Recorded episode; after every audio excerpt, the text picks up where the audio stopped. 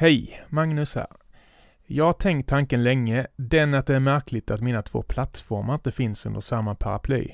Funkisliv med fokus på funkisfrågor främst i Värmland och Karlstad Kalla med fokus på lättsam underhållning här i vår lokala ostkupa. De borde såklart bli ett. För så mycket har jag lärt mig under mina år som skribent och som engagerad inom paraidrotten. Man är inte bara intresserad av funkisfrågor ifall man har en funktionsvariation och har man inte en funktionsvariation så skadar det verkligen inte att få perspektiv och att lära sig mer om bemötande frågor, inkludering, tillgänglighet, psykisk ohälsa etc. Sakta fasas nu Funkisliv över till karlstadkalla.se och detsamma gäller den här podcasten. Även avsnitten med funkistema kommer framöver att höras i podcasten Karlstad Kalla. Och för att bli en än mer inkluderande så kommer jag framöver läsa in de bästa artiklarna i en podcastversion. Jag tror och hoppas att det kan bli bra och jag hoppas att det inte ruttnar på min skånska stämma.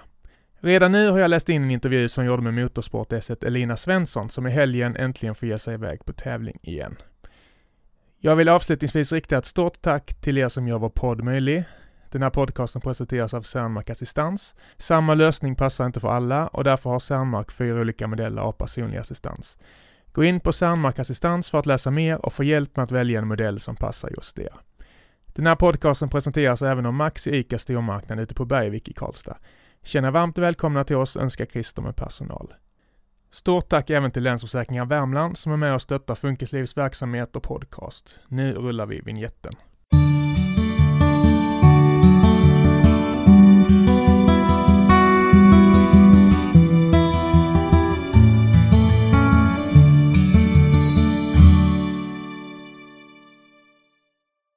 Hallå där Elina Svensson som i helgen sätter sig i högerstolen hos Ronny Jakobsson för tävlingar i Gimmersta.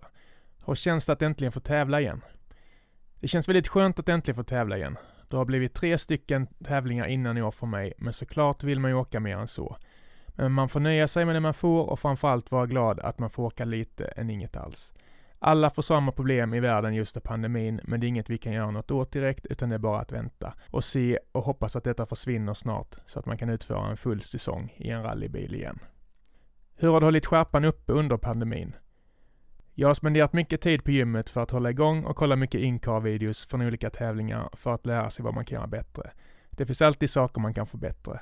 Det har blivit mycket fokus på träning och utveckling helt enkelt. Berätta om tävlingarna som väntar härnäst. Nu den 26 september kommer jag vara co-driver åt Ronny Jakobsson i hans Mitsubishi Evo, där vi ska åka en rallysprint på en sträcka som är runt 7 km. Denna sträckan ska vi åka två gånger som kvalåk, sedan kommer ett finalåk. Även denna tävling kommer vara publikfri tyvärr på grund av pandemin. Sen har jag inga fler planerat än att jag vill åka gästabudstrofén Light i Norrköping den 10 oktober. Sen får vi se om det blir fler tävlingar i år. Vad har du och Ronny för mål? I första hand att ha roligt tillsammans och även att samarbetet ska fungera bra.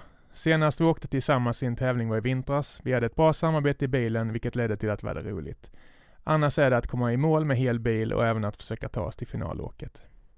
Och hur går det med planerna att ha ett eget stall? Jag har tyvärr inget eget stall ännu, men såklart skulle det vara en dröm.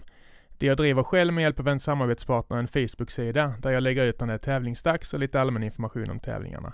Man kan säga att man får följa min motorsportresa där. Framtidsplanerna är något jag sitter dagligen och jobbar med för att allt ska gå ihop. Såklart är det att fortsätta med motorsporten och framförallt rallyt. Planerna för nästa år är i full gång. Det är så många pusselbitar som ska passas ihop, till exempel sponsorer, tävlingar, boende, ekonomin och så vidare. Jag sitter dagligen och jobbar med det eftersom det är rally som jag verkligen vill satsa på. Vad kan du säga om nästa säsong?